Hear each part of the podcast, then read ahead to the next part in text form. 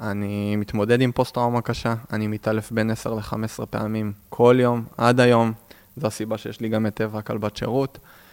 אה, אני לא ישן בלילה, אתה יודע, אני עשר שנים כבר, אני עושה הכל כדי לא להירדם. אני אדפוק לעצמי מכות, אני אתפוס לעצמי את השרירים.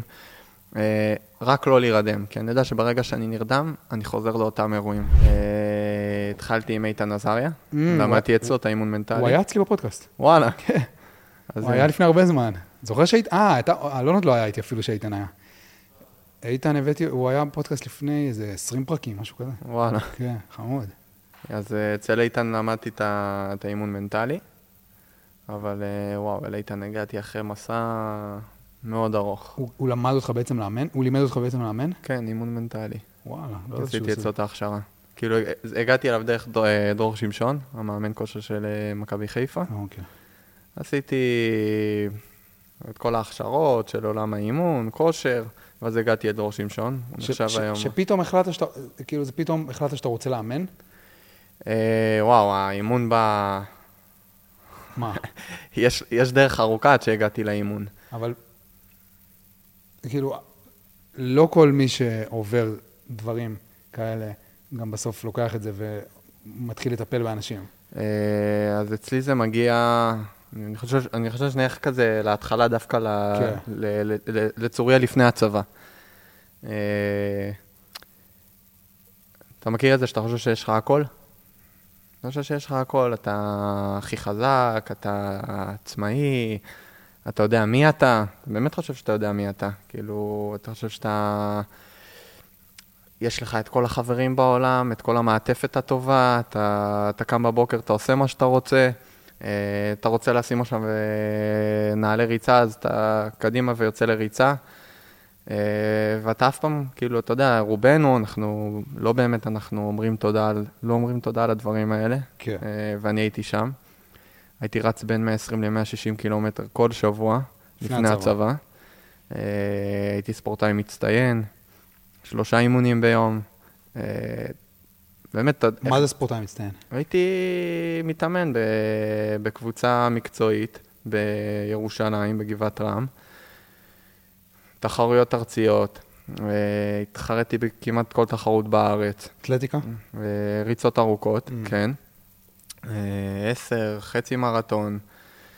ובאמת, הרגשתי שאני בלתי מנוצח, הרגשתי גם שאני יכול להתמודד עם כל הקשיים. תביא לי איזה קושי שאתה רוצה, אני יכול להתמודד איתו. רק שאתה יודע, אנחנו, ילדים לא באמת אומרים לנו מה, מה זה קשיים. אתה יודע, אה, מה הקושי שאני אני תמיד אני מספר בהרצאות, מה הקושי הכי גדול שנתקלתי בו.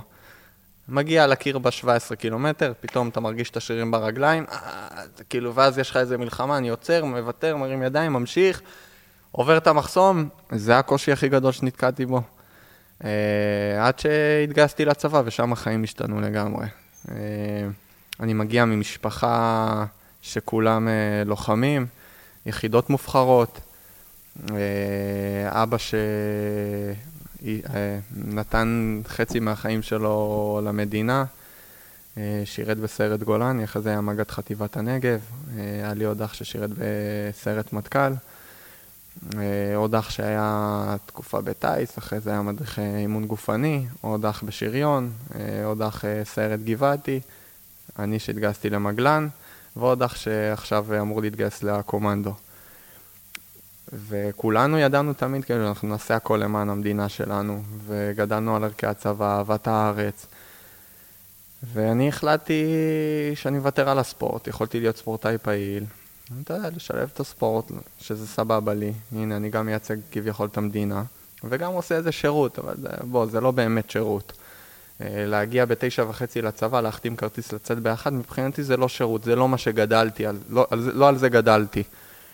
אה, והחלטתי שאני מוותר על זה ואני מתגייס. אה, לא באמת הכרתי את כל היחידות, אני גם לא הייתי בלופ הזה כמו של רוב הבני נוער, שייטת, מטכ"ל, שלדג, כל הדברים האלה. אמרתי, תן לי יחידה מובחרת, נעשה מיונים, מה שאני אקבל, אני אעשה את הכי טוב שלי. אה, ואז אה, עשיתי, התחלתי מיונים, הגעתי למגלן, אה, ושם שם החיים שלי השתנו לגמרי. מיותר לציין שהתגייסתי פרופיל 97, הייתי הכי חזק שיש, כושר גופני, מיותר לציין שהיה לי כושר גופני. אני חושב שהכי טוב, אי אפשר להגיע לכושר יותר טוב מ-160 קילומטר כל שבוע. אה, ואני מתחיל את הטירונות, חוזר משבוע שטח ראשון, חיידק שיכול לתקוף אה, לאו דווקא בצבא, בכל מקום כולנו יכולים לקבל חיידק, רק ששם אני לא מקבל טיפול. אה, וגם כשאני סוף סוף מקבל איזשהו טיפול, אז טוב, קח איזה כדור, מה נתנו לי סטופית, נתנו לי איזה משהו שלא קשור בכלל למציאות, ותמשיך. תוך כדי אני ממשיך לשלשל, אני מקיא. אתה יודע, יחידה מובחרת זה לא, לא, אתה לא בא לקייטנה, אין לי פה אבא ואמא, אמא, אבא, כואב לי, אני רוצה לעצור. ו...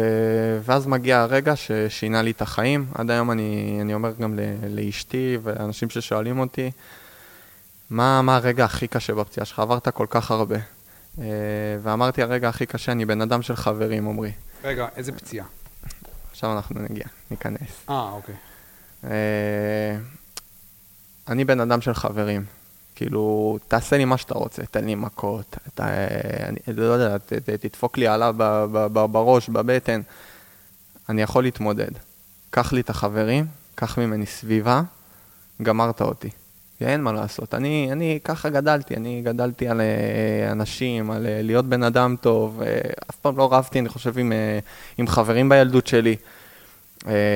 ואני עומד על הבוחן מסלול, זה היה אחרי שכבר סיימתי בוחן מסלול אחד כמצטיין פלוגה, הייתי מצטיין ברור. בא למפקד שלי, אני אומר לו, תקשיב, אני לא יכול לצאת, אני, אני מרגיש שאני אשלשל בתחתונים. ו, ופה הוא אומר לי, אתה יוצא, כאילו, אין, אין, פה אני לא שואל אותך. אני אומר, אני לא יכול, ומתחיל להיות לי איזה כזה, אנחנו מתחילים אה, לזרוק הערות אחד לשני, ומתחיל כזה סוג של איום, ואני מבין שאוקיי, אין לי עם מי לדבר, סבבה.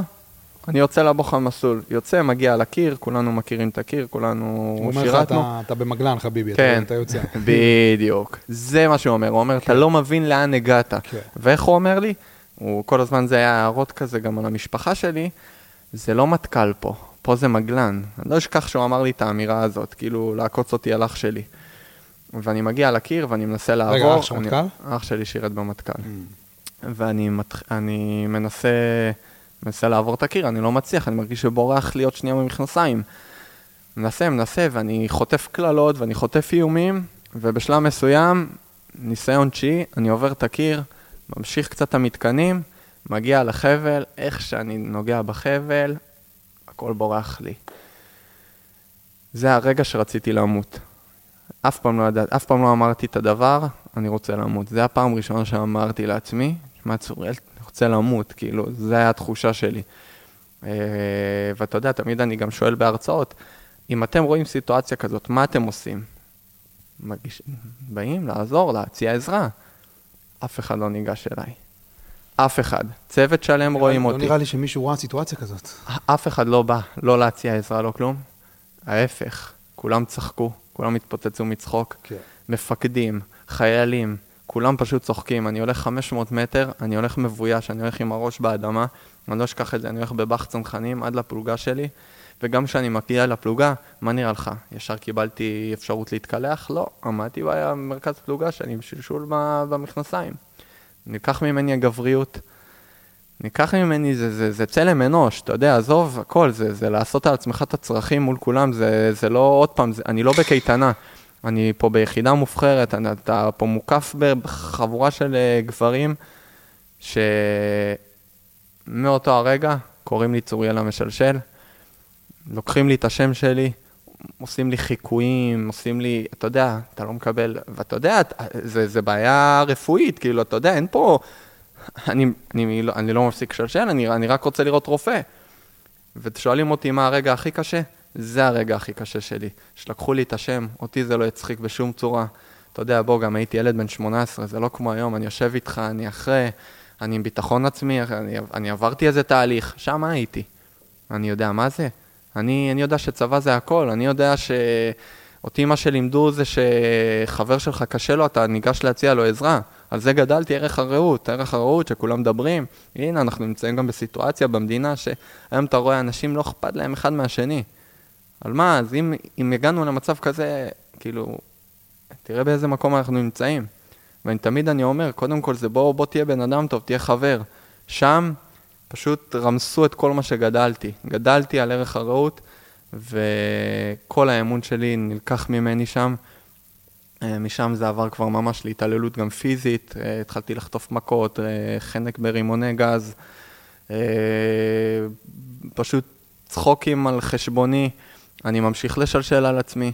אני זוכר שבאחד המסעות אני מחזיק את האלונקה, שעוד פעם בורח לי במכנסיים, ובאים אליי כמה מהצוות שלי, מה צוריאל שלשלת? אתה יודע, בוא, בוא, בוא, בוא תיקח את האלונקה, בוא תעזור לי. זה בטירונות כל זה? בטירונות, טירונות, אימון מתקדם. ו, והכל קורה, אתה יודע, אתה, אתה אומר, בוא'נה, לאן הגעתי? ו, וכולם שואלים אותי עד היום את שאלת השאלות, למה לא עצרת? לא יכולתי. או משפחה? לא יכולתי, המשפחה שלי, הסתרתי את זה כל כך, אתה יודע, כמה אתה מגיע הביתה. הגעתי הביתה, אומר להורים שלי, אני עייף, עזבו אותי, אני הולך לישון. כן.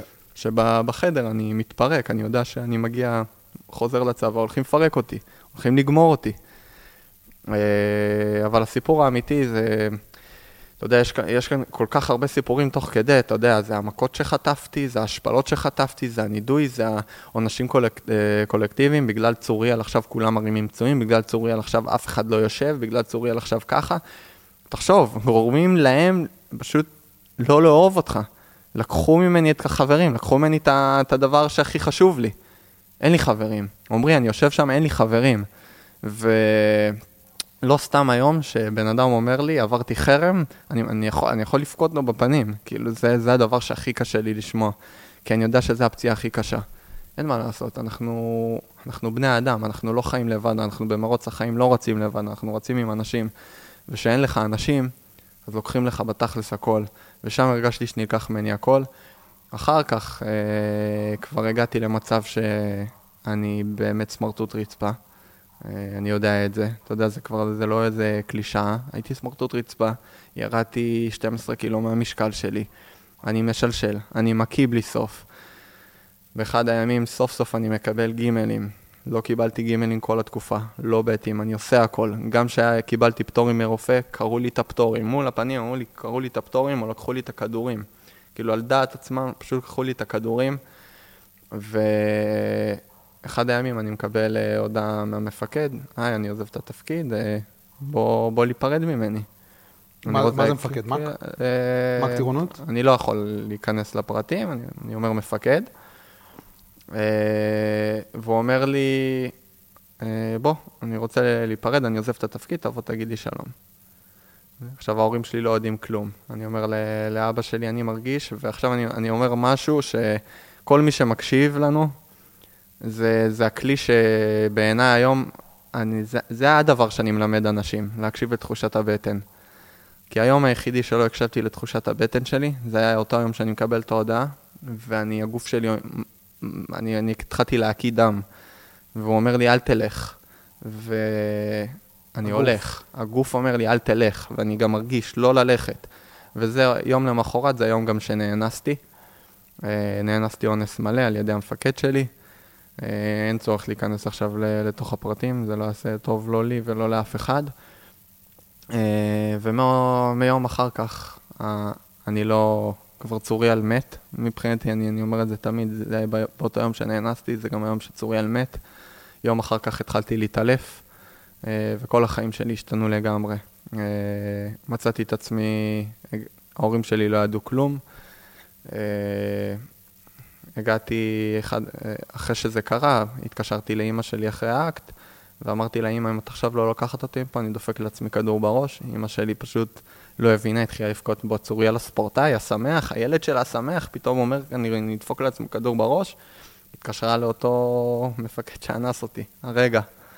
והיא אמרה לו, אני רוצה לקחת את צוריאל לטיפול, לשחרר, שחררו אותי לטיפול, וזה באמת יום אחר כך. אה, וזו הייתה הפעם הראשונה שאני מתעלף בחיים, ברכבת באשקלון. תחשוב, חייל, מדהים, כאילו, אני מתעלף ברכבת, פעם ראשונה שאין לי שום שליטה על עצמי. אתה יודע, היה לי עוד, את זה עוד לפני בתכלס, אבל פה באמת אין לך שליטה, אתה מתעלף. אה, ואני מגיע לתחנת סבידור מרכז, אמא שלי מסתכלת עליי, ומפה אני נכנס למרתון ש... שבאמת לא הבנתי, לא הבנתי עד כמה המצב הפיזי שלי פשוט ברצפה. אימא שלי מתקשרת לאבא, ואני, אה, מושיק, אני לוקחת עכשיו את הילד אה, לתל השומר, מגיע לתל השומר, עמרי, כמה זמן לוקח היום, אתה מגיע למיון, כמה זמן לוקח עד שמסתכלים עליך בכלל? כמה שעות? חמש שעות, אתה יכול לשבת במיון בכיף שלך. תוך חמש דקות הייתי בפנימית ו', מחלקה סגורה, שמטיסים אותי לבדיקות, עוד בדיקה, עוד טיפול, עוד זה. אני רואה פרופסורים, אני כאילו, כל הדברים שלא, כל הילדות שלי לא התקרבתי לבתי חולים.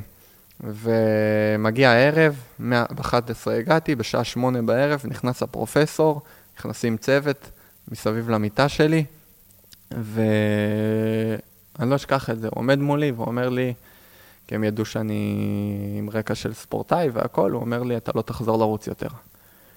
אני מסתכל עליו, ואימא שלי מסתכלת עליי, אימא שלי יושבת מצד ימין, אימא שלי מתחילה לבכות.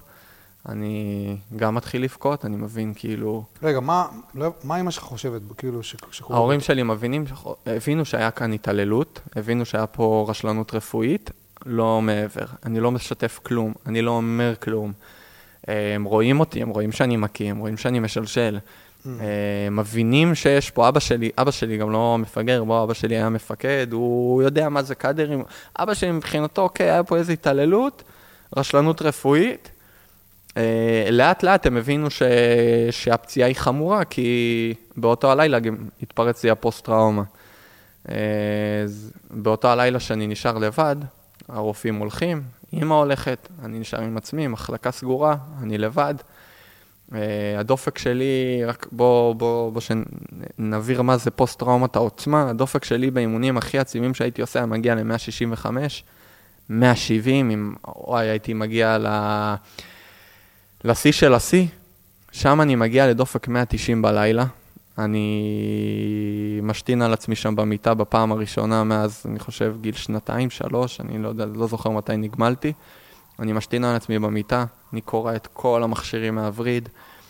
אני פשוט זוכר שאני קם בצרחות ואני אני רואה את האחות עומדת מולי. אתה יודע, זה לא כמו היום, היום יש מודעות, אנשים, ילדים יודעים מה זה פוסט-טראומה שם. האחות עומדת, חושבת שאני איזה זומבי שנפל מהירח, היא לא מבינה מי אני. והיא עומדת ומסתכלת, אחרי שאני מבין מה קורה, אני אומר לה, אין סיכוי שאת ספרת למישהו מה קרה פה, כאילו אף אחד לא ידע שלצוריאל עכשיו ברח שתן כאילו במיטה. והיא עושה לי כזה ככה, כמובן שאתה יודע, אתה לא באמת יכול להסתיר את זה. חשבתי שזה חד פעמי, לא ידעתי שאני מתמודד עם פוסט-טראומה, לא ידעתי שכל המערכת חיסון שלי קרסה, בהמשך הבנו את זה. היום בעצם אני גם מוכר כנכה צה"ל, אה, כל המערכת חיסון שלי קרסה, יש לי בעיה עצבית בשרירים, יש לי פריצה דיסק בגב, אני מתמודד עם פוסט-טראומה קשה, אני מתעלף בין 10 ל-15 פעמים כל יום, עד היום, זו הסיבה שיש לי גם את טבע כלבת שירות. אה, אני לא ישן בלילה, אתה יודע, אני עשר שנים כבר, אני עושה הכל כדי לא להירדם, אני אדפוק לעצמי מכות, אני אתפוס לעצמי את השרירים. אה, רק לא להירדם, כי אני יודע שברגע שאני נרדם, אני חוזר לאותם אירועים, אני, אני חי אותם, אני חי אותם שום, כל מה שעברתי בצבא, הכל. גם עם חברים וגם עם האונס. הכל, האונס, ההתעללות, עברתי שם כל כך הרבה דברים, אתה יודע, אני, יכול לתת לך, בוא אני אקח אותך סיפור אחד, עזוב אונס, עזוב הכל. אחד הימים, הנה, בוא, הנה, אמרת לי, היית בעוקץ, אתה בשטח. תגיד לי, יש חייל שלא מתאפץ בצבא? מי לא מתאפץ? מה, אני טועה? כולם מתאפצים. אני, שוח... אני יושב שם בשטח, בשבוע סבך, התאפצתי, כן, אני מודה, קורה. אומר לי אחד המפקדים, רואה את השיח שם הגדול, לך תחבק אותו עכשיו. אתה יודע, אני ילד טוב ישראל, אני, אני עושה מה שהמפקד אומר, המפקד זה אבא ואימא שלי. ואני מחבק את השיח, הוא אומר לכל הצוות, פתחו שעון, חצי דקה צוריאל היה למטה. כל הצוות, עליי, אני למטה שוכב. אתה קם, כל הגוף שלך פצוע, כל ה... כל ה... הכל נכנס לך לתוך הגוף. זה, זה השפלה.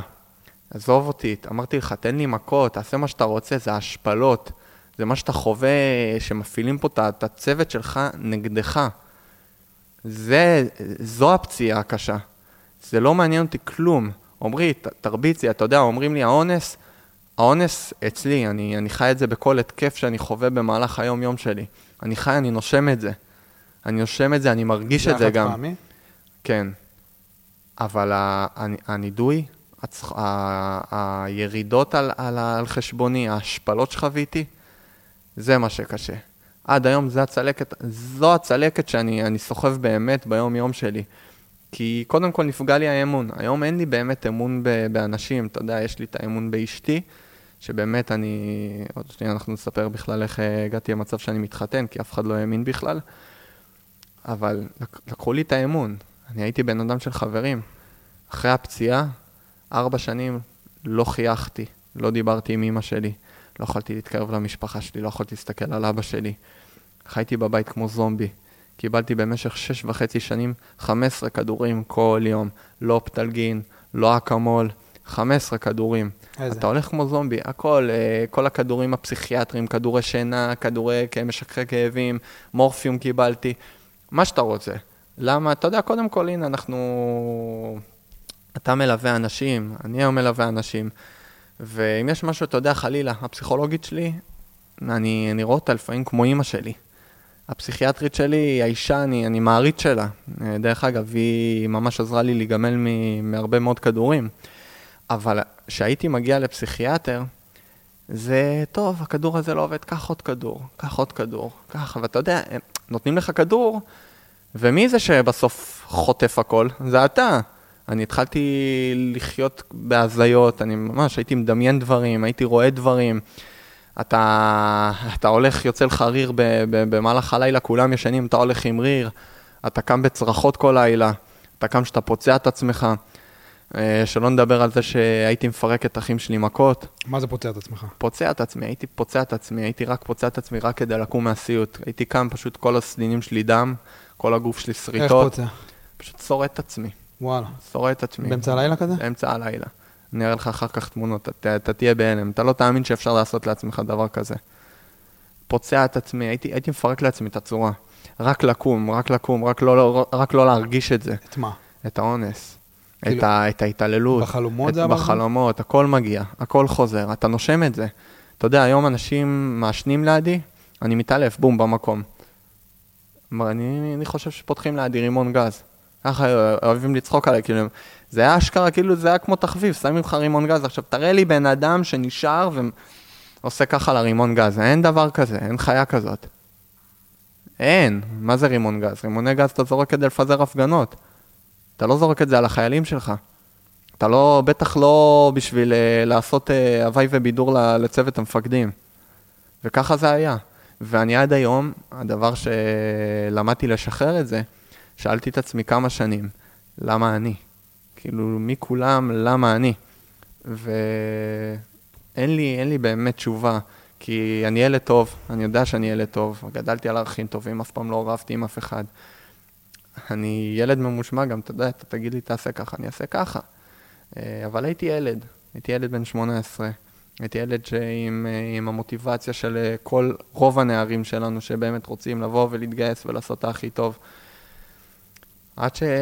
שמצאתי את עצמי נלחם על החיים שלי, והלחימה האמיתית זה, עמרי, זה לא, זה לא מה בצבא, זה מה אחרי. אתה יודע, תמיד אומרים, זה, הפציעה זה כלום, זה מה, מה, מה התוצאות של הפציעה. אצלי זה היה לנסות לסיים את החיים חמש פעמים. אה, ניסיתי בכל דרך אפשרית, אה, ואני אומר שעד היום הדבר הכי קשה זה לכתוב צבא. אה, אני לא מאחל לאף בן אדם.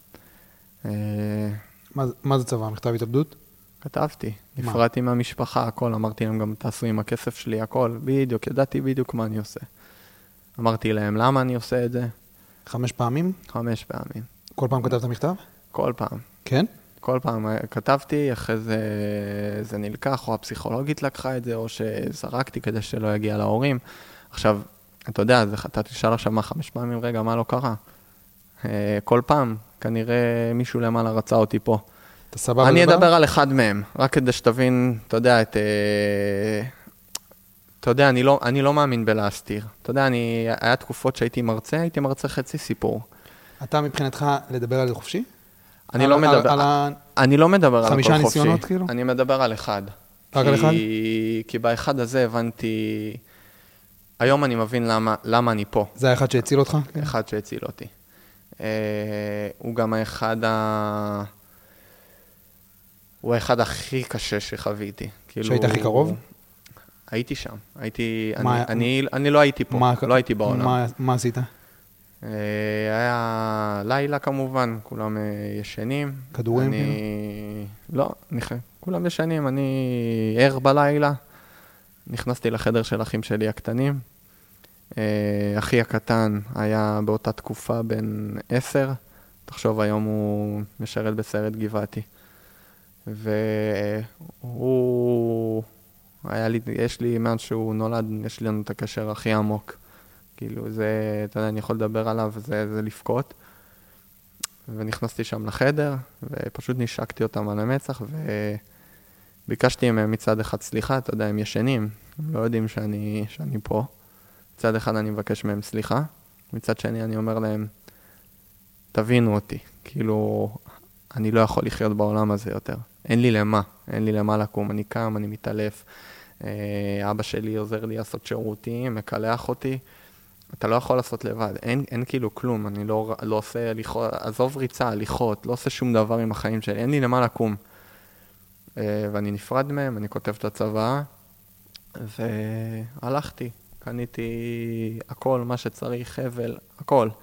ידעתי בדיוק מה אני הולך לעשות, הייתי מאוד ממוקד גם, כאילו זה, זה ידעתי זה משימה, אני בן אדם מאוד משימתי דרך אגב, ואני הולך ואני מבצע את זה.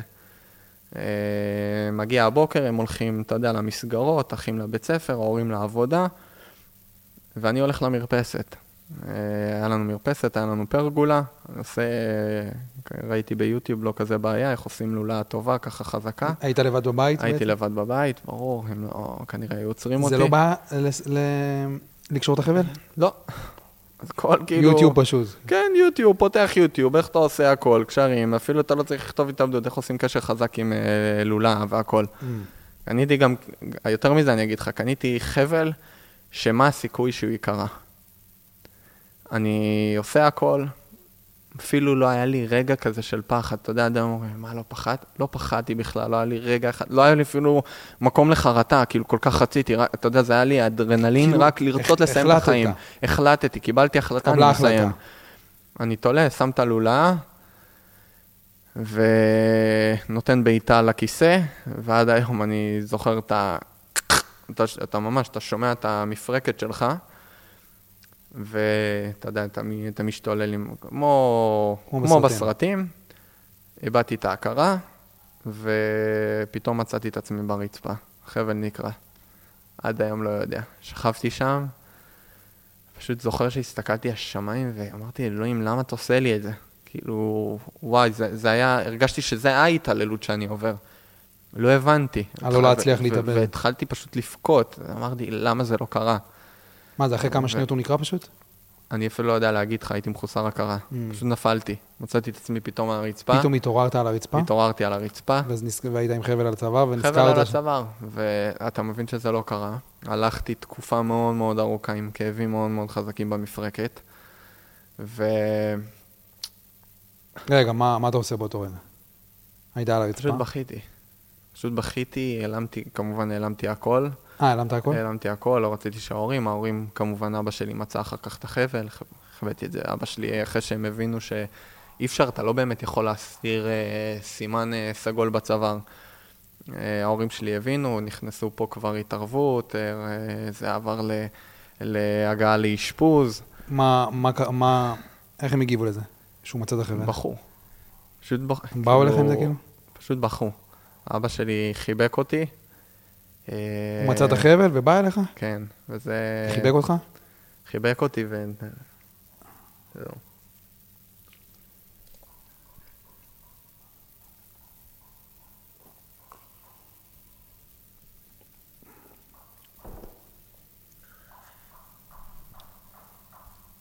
מתי זה היה?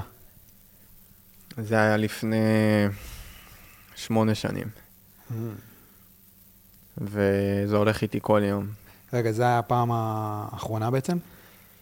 אה, זה לא היה הפעם האחרונה, אבל אה, אני לא, אני לא מספר על הכל, כי גם, אתה יודע, בסוף אני לא רוצה לעשות טראומה, טראומה לאנשים. ממילא, כל- אני יודע שכל הסיפור קשה.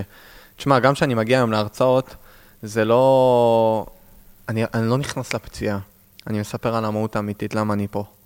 אה, אני חושב שזה מה שמעניין בסוף. אתה יודע, אתה שומע פה סיפור, שאני יכול לספר לך אותו גם עד שבוע הבא, וכנראה עדיין יהיה לי עוד, עוד פרטים ועוד פרטים ועוד... תשמע, אתה בסוף חייתי את הסיפור הזה, הייתי שנה ועשר חודשים בצבא. אני נושם הכל, אני חי הכל. אה, וכל, סליחה, כל יום קורה משהו. כל יום קורה משהו, אין לי, אין לי רגיעה. אין לי רגיעה במהלך היום-יום שלי. אבל עוד פעם, הסיפור האמיתי זה מה קורה אחר כך, זה התוצאות, זה הלסחוב את הפציעה, זה הכאבים, זה זה שכל דבר שאתה אוכל, הנה, אנחנו צחקנו לפני זה, אלון שם לנו כאן אה, כיבוד, ואנחנו צחקנו על אה, האם אה, לאכול ולא, זה שטויות. לא יכולתי לאכול. ארבעה חודשים אני מקבל אוכל דרך קופסאות שימורים של אנשור שנותנים בבתי אבות. אוכל מהווריד. כל דבר שאני אוכל, אני משלשל אותו. אין לי, אין לי יכולת לאכול. עמרי, אני, לא יודע מה זה לאכול, אני יושב בשולחן שולחן שבת עם המשפחה שלי, מה הדבר שאנחנו הכי מחכים? לחלב ולדג. לא יכול לאכול.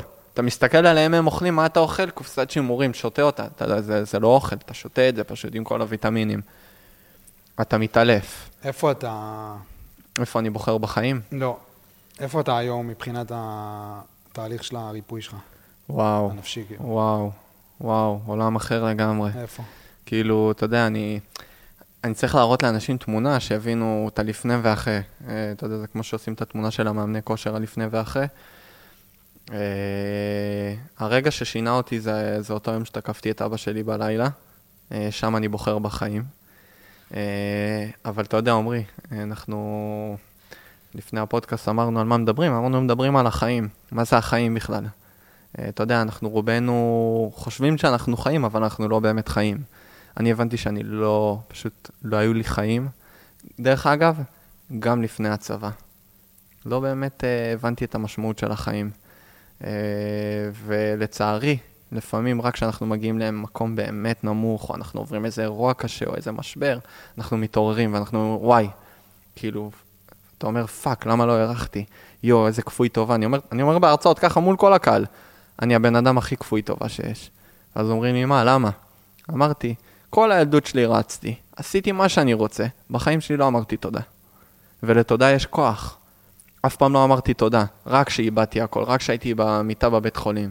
נראה לך שזה יסתכם רק באשפוז בתל השומר? כל כמה חודשים מצאתי את עצמי במחלקות.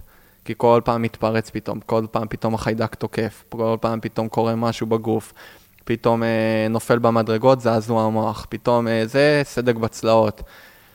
כל, כאילו, אתה, כל החיים שלך משתנים לגמרי.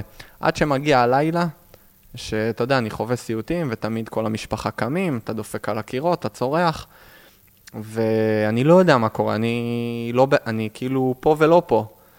ואני פותח את העיניים, ואני מוצא את עצמי תופס את אבא שלי, אני מצמיד אותו לארון. אתה יודע, אני מסתכל על אבא שלי. עכשיו, אבא שלי בן אדם חזק, אומרים, זה לא ילד. אבא שלי בן אדם חזק, הוא עומד פשוט על הארון, הוא מסתכל עליי, ואני משחרר לאט לאט היד. משחרר לאט לאט היד, ו... ו... ואני רואה אותו דומע. אני רואה אותו דומע, והוא יוצא מהחדר. הוא לא, הוא לא אומר לי כלום, אני יושב על המיטה, ואחי אחי הקטן, האחים שלי, אחי הקטן הייתי בחדר, הוא אומר לי, אתה לא מבין מה קרה. אמרתי לו, עושה לי, אתה פירקת את אבא עכשיו מכות. ולא שמת לב כזה? לא שמתי לב. זה היה הלילה שישבתי מ-2 לפנות בוקר עד השעה 6 וחצי לפנות בוקר, אני יושב, שאני אומר חיים או מוות. אבל אם אני בוחר בחיים, זה לבחור בחיים. ואם במוות, אז אני אעשה הכל בשביל זה, והפעם שום דבר לא יוכל לעצור אותי. זה גם היה הפעם האחרונה בעצם שדיברתי על אה, משהו של אה, אובדנות. אה, כי באותו הבוקר אני בוחר בחיים, אני יוצא להליכה פעם ראשונה, אחרי כמעט שנה וחצי, אני יוצא להליכה לבד. אז נכון, אני מתעלף, אבל אני פתאום מרגיש איזו תחושת סיפוק. ואחרי כמה שבועות זה הופך לריצה, הגוף שלי פתאום אוטומט, פשוט מתחיל לרוץ. אז פתאום בורח לי במכנסיים, ופתאום אתה מגלה קשיים אחרים, ופתאום אתה מבין ש... קול זהה שמטפטף עליך, מזכיר לך את הרגע שאותו בן אדם שאנס אותי טפטף עליי, זה התוך כדי. אתה מתעלף, אתה חוטף התקפים תוך כדי, ופתאום מזמינים לך משטרה, כי חושבים שאתה משוגע, כי אף אחד לא יודע מה זה פוסט-טראומה. שומעים אה, בן אדם שוכב וצועק על הרצפה. מזמינים משטרה, ופתאום אתה, אתה מבין שההתמודדות זה לא זה, זה זה, החיים האמיתיים. אבל אני ידעתי שברגע שאני בוחר בחיים, אני בוחר עם הכל, זה לא מעניין אותי. כי אני רוצה ליצור חיים. ואני הבנתי שזה התחיל מהרגע שאני לא יכול יותר לזרוק את האחריות על אף אחד. אני לא יכול להאשים את ההורים שלי, כי אני כל הזמן אמרתי, הם בגללכם, אתם הבאתם אותי לעולם. אתה, את, אתם אמרתם לי להתגייס לצבא, אתה יודע, הכל זרקתי עליהם, הרופאים, אתה מאשים את הרופאים, אתה מאשים את כולם, ואז אתה מבין, בואנה, מה יש לך, דפוק? זה החיים שלך, אתה לא יכול לזרוק אחריות. ואתה צריך לבחור בחיים, ואתה אומר, מה זה לבחור בחיים? עד שאני מבין שלבחור בחיים זה לבחור בחיים של משמעות. אם אין לי משמעות בחיים, אין לי למה לקום.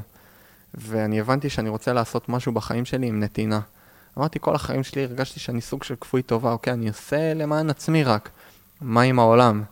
ופתאום גם כשאתה עובר דבר כזה, יש לך איזה צורך לבוא ו- ולתת ו- ולשנות. Uh, אני, אתה יודע, אני לא מאחל לאף בן אדם להיות קרוב לאבד את החיים. אני לא מאחל לאף בן אדם לעבור מה שעברתי, גם דרך אגב לא לאויבים שלי. אני לא חושב שבן אדם צריך לעבור את מה שעברתי. אה, אבל אני בחרתי לקחת את החיים שלי ולהקדיש אותם כדי לעזור לכמה שיותר אנשים. אמרתי, אף בן אדם לא יהיה במקום הנמוך שבו אני הייתי. ומפה בעצם התחיל המסע שלי. החלטתי שאני עושה תואר ראשון, אה, בחרתי לעשות תואר ראשון בחינוך גופני וחינוך מיוחד.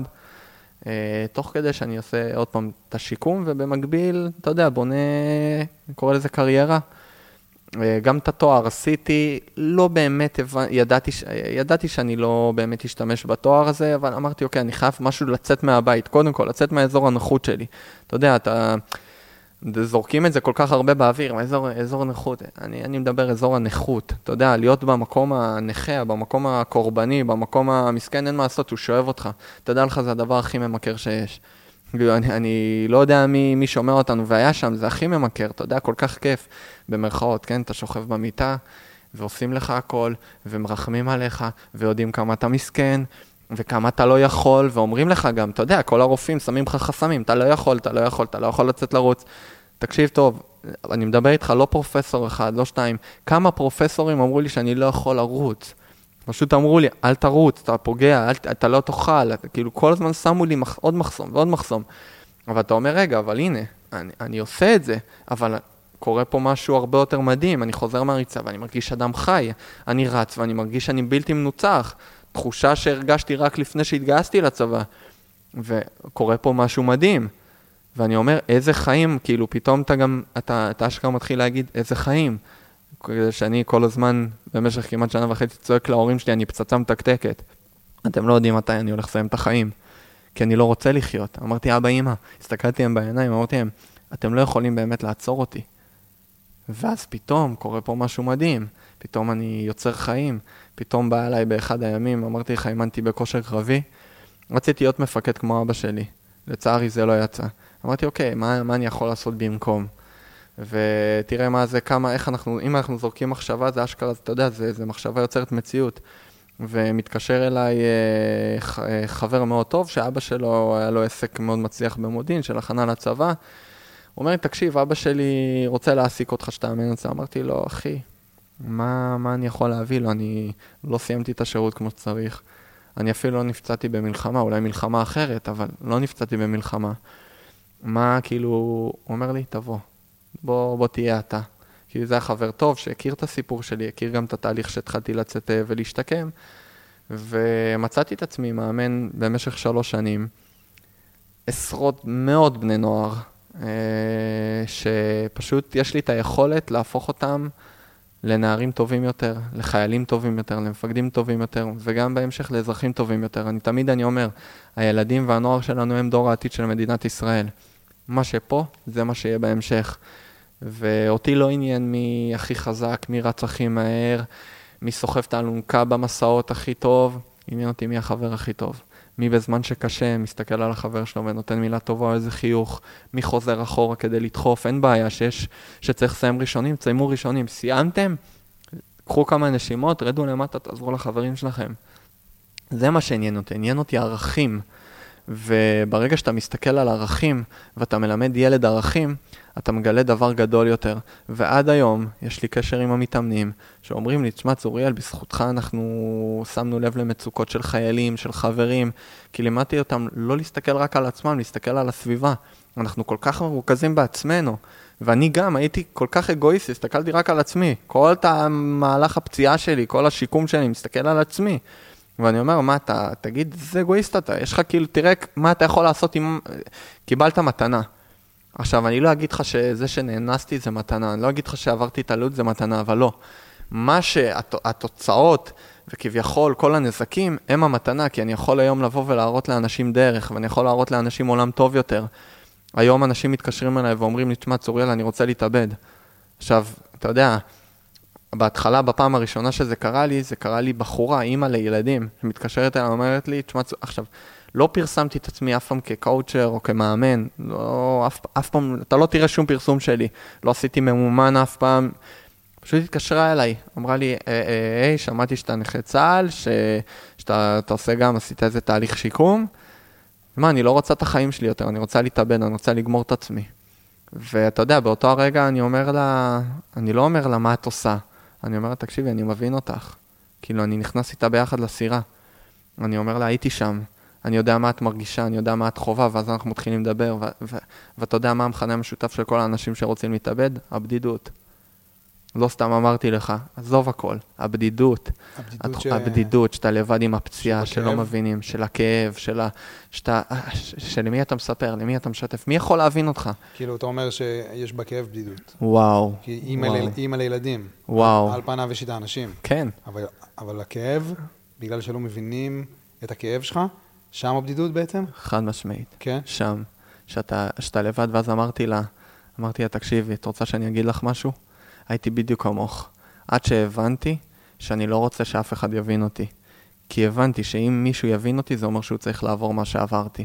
אז אמרתי לה, אני שואל אותך שאלה, את באמת רוצה שבעלך או הילדים שלך יבינו אותך? ופתאום היא עושה לי, לא, כי היא לא חשבה על זה. ואמרתי לה, את מבינה שלא יכולים להבין אותך? או אתה נכנס לתמונה. כן. או מישהו כמוך. כן, ואז פתאום אנחנו יוצאים ואנחנו בונים משהו, ואני אומר לה, בואי תראי מה כן טוב בחיים שלך, כי אתה יודע, אנחנו רואים באותו רגע שחור. תקשיב, עמרי, לא משנה מה אתה היית עושה לי באותו יום שתליתי את עצמי, בספק אם היית, היית יכול לשנות לי את, את, את המחשבה של אני רוצה לסיים.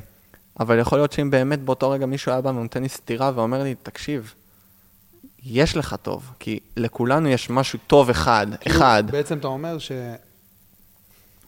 אני גם מגיעים אליי כל מיני... Uh, הייתה תקופה שהייתי מדבר על ניסיון, על, uh, על מחשבות אובדניות, והיו פונים אליי עם uh, הרבה אנשים שגם חווים מחשבות אובדניות.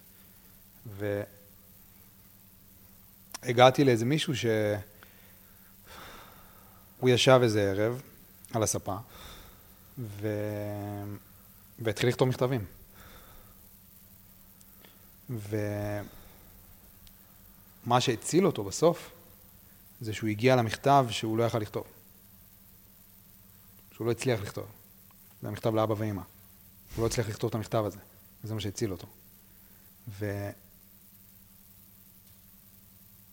וכשאתה נמצא בתוך המקום הכי חשוך שיכול להיות, שאתה מכיר אותו טוב.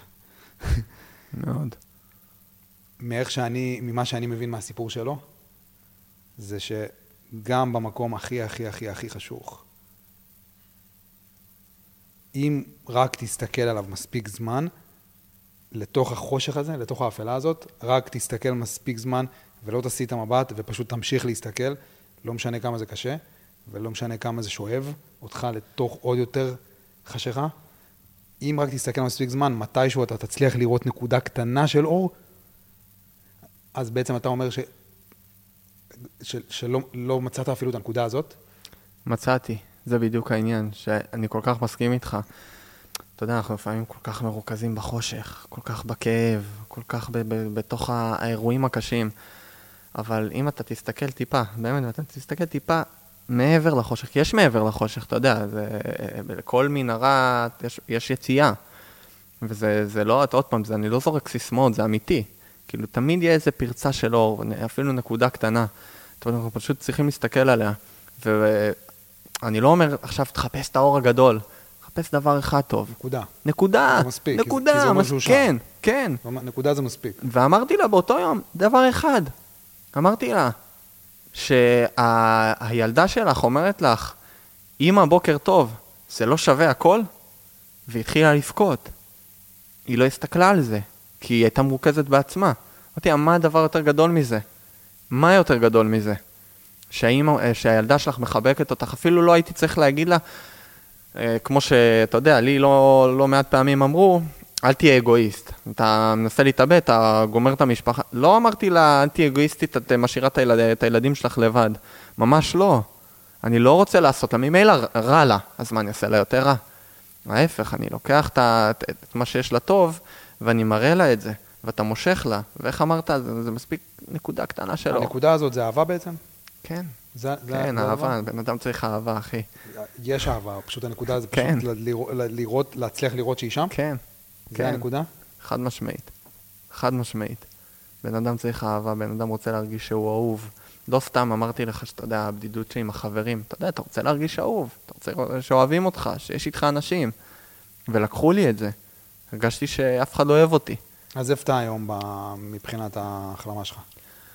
וואו, אה, קודם כל סיימתי את התואר, סיימתי המון הכשרות בעולם האימון, למדתי אחרי זה אימון מנטלי, אה, עשיתי לא מזמן עוד אה, קורס על עבודה על אה, תת-מודע והמודע ואיך אנחנו מנהלים, אבל בתכלס לקחתי פשוט כל תקופת הקורונה בזמן שאנשים ישבו בבית בדיכאון, פשוט אמרתי, אוקיי, אני מנצל את זה, לקחת את כל מה שעברתי בחיים, לכתוב לזה איזה שיטה. וקראתי לשיטה לצמוח כמנצחים. Uh, אני היום לא אוהב להגיד את המילה שיקום, כי שיקום יש בזה משהו קצת וייב ריפוי? די שלילי. אני אוהב להגיד צמיחה. צמיחה זה משהו ש... שמרים, ש... ש... שעושה לך טוב, שאתה אומר את זה. Uh, ומנצח, זה... ה... לצמוח כמנצחים, זה כדי לג... ל... לגרום לאנשים להבין שהם לא צריכים שום תחרויות, שום... כל מה שהרגילו אותנו כילדים, כדי להרגיש מנצחים. זה שהם קמים בבוקר, בוחרים בחיים, זה הניצחון הכי גדול. כי לבחור בחיים, עוד פעם, השאלה איזה חיים אנחנו בוחרים. חיים, אתה יודע, לעשות את הקפה ומה שנקרא לרוץ עם העדר, ולרוץ במרוץ, ואתה יודע איך אני אומר, אומרים בעולם הש- השכירים, קמים, עושים קפה, הולכים לעבודה, מחתימים כרטיס, יוצאים, אה, סוגרים כרטיס, חוזרים הביתה, אין כוח לאף אחד, זורקים את הדברים, ו- וככה, והרוטינה חוזרת על עצמה. או שאתה רוצה ליצור לעצמך חיים של משמעות, ומשמעות בעיניי זה נתינה.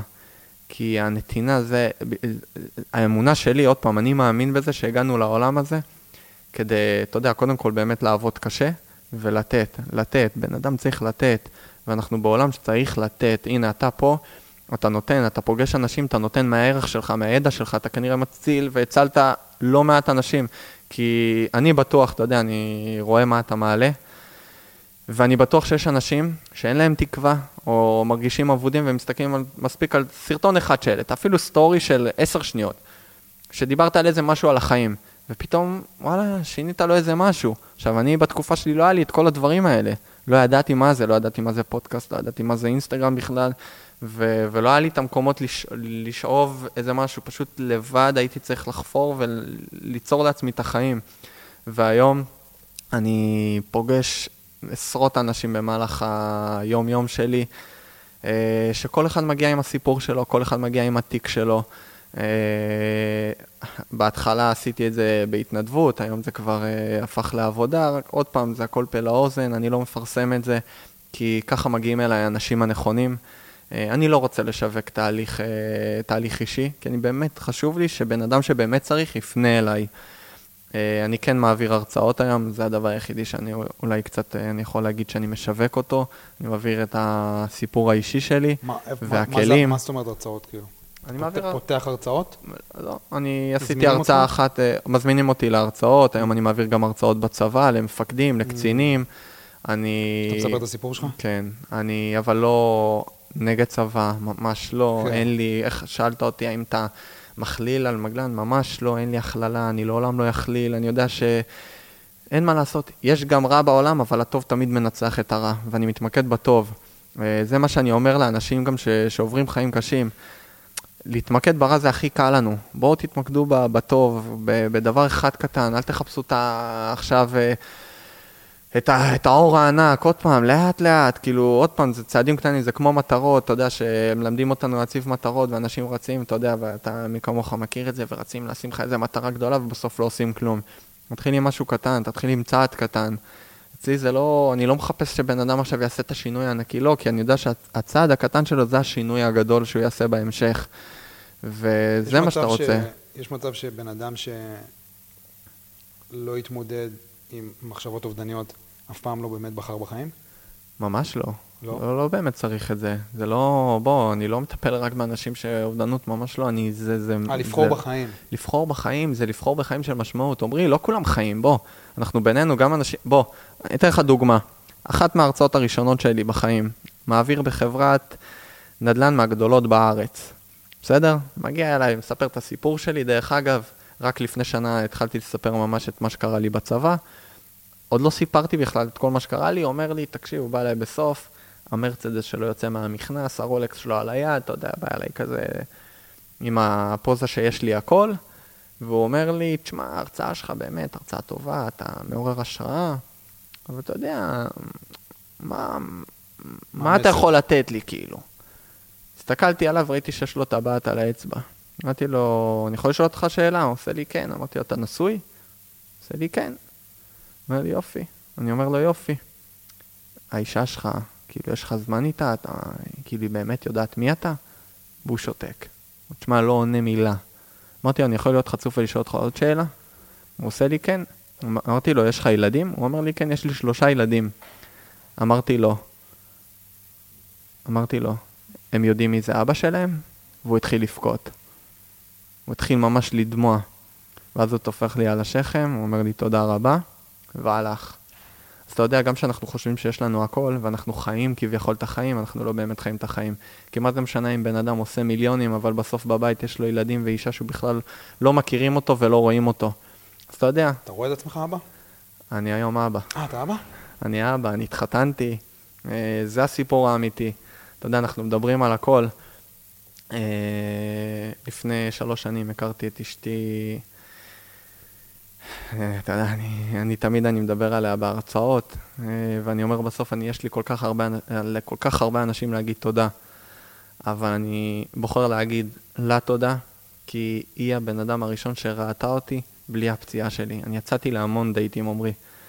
כל דייט כמעט, גם שהלך וגם שהתקדם והתחלתי איזה מערכת יחסים, הייתי שומע את המשפט, תשמע, היית הגבר המושלם אם לא היה לך פוסט-טראומה. וזה היה מוריד לי, וזה כן, היה כל כך פוגע. ככה הבנות היו אומרות לי. קטע, כן. אתה קם מהתעלפות, ואתה יודע, אתה מקבל התקף, ופתאום אתה רואה כבר פנים אחרות. זה לא, זה לא הגבר החתיך. פתאום, רגע, מה, הוא, הוא התמוטט לי עכשיו במסעדה על הרצפה. רגע, הוא התחיל לבכות, ורגע, מה קורה פה? ואני זוכר שהכרתי את עדי, היא אמרה לי כבר בדייט הראשון, לא מעניין אותי הפוסט-טראומה שלך, אני רוצה להכיר את צוריאל. שם, ידעתי שאני מתחתן איתה. לגמרי. ידעתי שאני מתחתן איתה. אה, אחרי חמישה חודשים שמתי לה כבר טבעת. אני אמרתי לך, אני מאוד משימתי. והתחתנו, אה, לפני ארבעה חודשים נולדה לנו בת. אה, שזה הניצחון הכי גדול. כאילו, אני תמיד אני אומר, מהמוות זכיתי להביא חיים. וזה רק מראה כמה החיים מטורפים, למה אני כל כך אוהב את החיים. היום אני, אני חושב ש...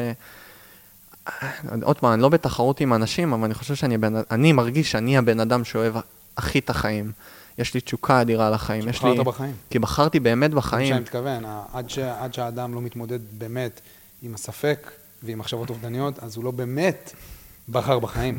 תשמע. ליטרלי, כאילו. כן, אתה יודע, אני, אני קם בבוקר, אני, זה לא משנה. תשמע, אני קם בלי שינה, אתה יודע, בן אדם אחרי לילה לבן בוכה ומתלונן, אין, לא ישנתי, לא, אני לא ישן עשר שנים. כן. אז אתה יודע, גם כשאני ישן, אני קם מסיוט, ואווה מדליקה לי את האור, וככה אני קם. אני קם כל בוקר ואני אומר לעצמי חמישה דברים שבגללם אני חייב לטוס מהמיטה. הדבר הראשון זה להעניק לאשתי את החיים הכי טובים שיש, כי מגיע לה. הדבר השני, אני חייב לקום ולדאוג לבת שלי ולאווה. אתה יודע, לפני זה היה, זה היה רק לאווה, כי רק אני יכול לגעת בה ולטפל בה. הדבר השלישי זה לעזור לכמה שיותר אנשים. הדבר הרביעי זה ליהנות מהחיים, כי אנחנו גם צריכים ליהנות מהחיים. והדבר החמישי, גם להביא פרנסה הביתה, כי גם זה אתה צריך, אבל אני כל בוקר אני אומר לעצמי את זה. וברגע שאתה יודע קשה- למה אתה קם, עדיין קשה לך? קשה, אני אה. נושך שפתיים. אתה יודע מה קורה לא, לי? אני מתכוון ב... אה, הספק הזה בחיים. אין לי כבר ספק. אין? אין. גם לא, לא, אין גם לא. ברגעים? לא, אין. אבל אני יכול להגיד לך, אתה יודע, אני אשאל אותך, מה, מה, מה הדבר הראשון שאתה עושה כשאתה קם בבוקר? עושה? כן, עושה עם עצמך, אומר, אני לא יודע. אתה צריך שיניים כזה? הדבר הראשון שאני עושה, אני בוכה. כל אני בוקר? יושב על המיטה ואני כל בוקר בוכה. עדיין כל בוקר בוכה? בוכה, כל בוקר, עשר שנים. אבל זה לא בכי של עצב, זה בכי של אושר. זה בכי שאני אומר, תודה לאלוהים שהוא לא ויתר עליי והשאיר אותי בחיים. כי כשאתה מסתכל על אשתך, ואתה מסתכל היום גם על הילדה, ואתה מסתכל על לבה והכל, אתה מבין, כאילו, וואו, מה הייתי יכול להפסיד? אתה יודע שזה משהו שאני אומר הרבה בסדנאות, שאני מדבר על אהבה.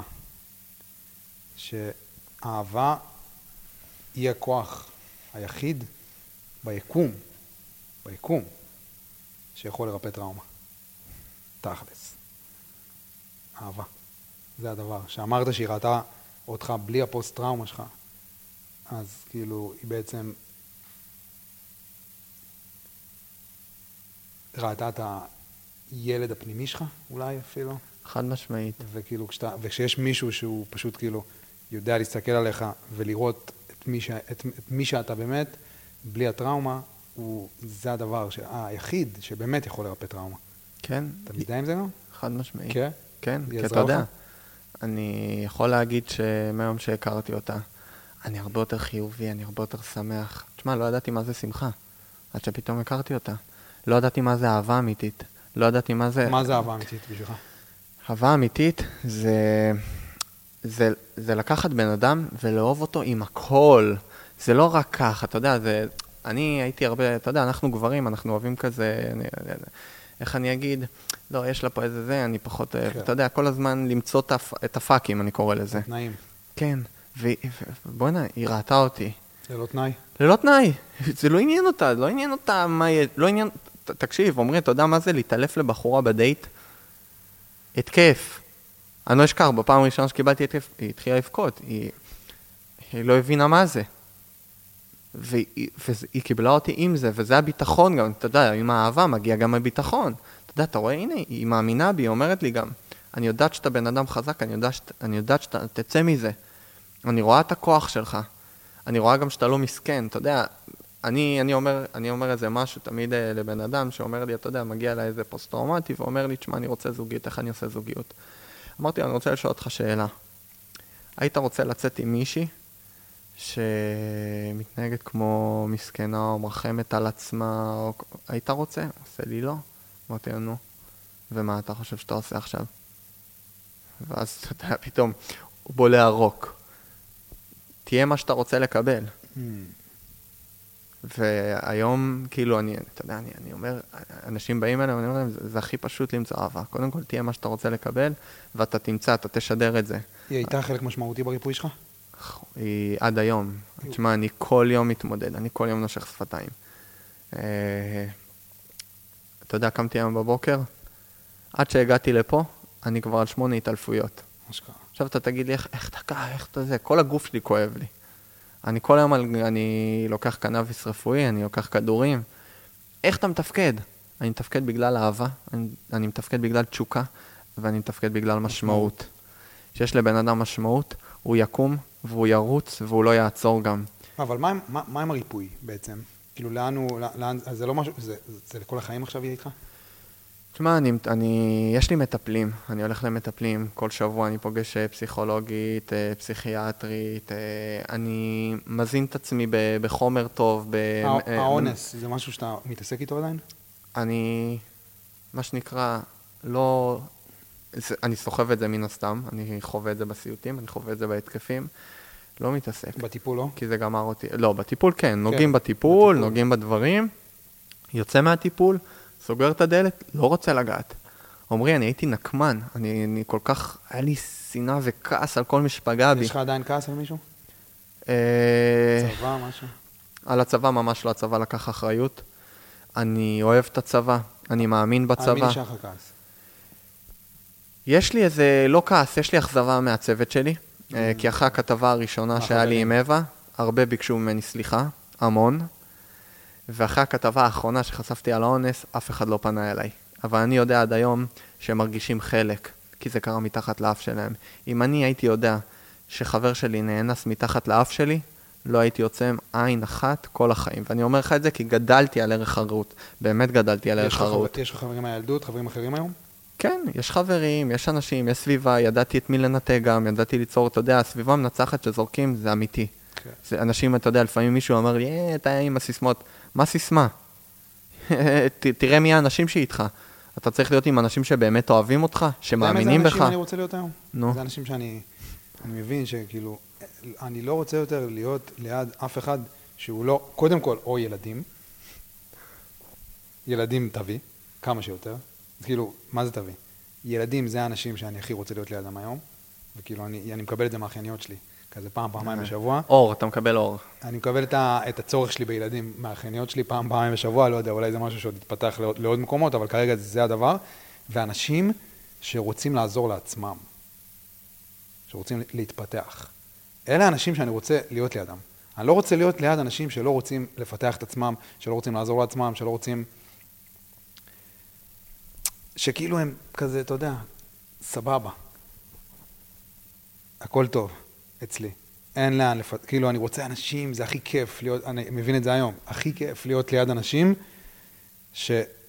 שמפתחים את עצמם, שרוצים לפתח את עצמם. כי הם גם מקדמים אותך. ברור. זה מה שאנשים לא מבינים, ברור. זה רווח הדדי. זה האנשים שאני רוצה לידי, רק כאלה אנשים שרוצים, בגלל זה בסדנאות, זה הכי כיף לי בעולם, היום שישי הזה, הסדנאות שלי ביום שישי. יש לי גם כאילו אחד על אחד, כזה במהלך השבוע. אבל הסדנאות בימי שישי אני מגיע, ואני מקבל כאילו אנרגיה מאנשים שאשכרה כאילו... רוצים לפתח את עצמם. זה הדבר הכי כיף שיש. זה כיף פשוט. כיף. זה, זה ממכר אפילו, כן, אני אקרא לזה התמכרות. זה אשכרה ממכר. וזה, אתה יודע, כל האנשים ש...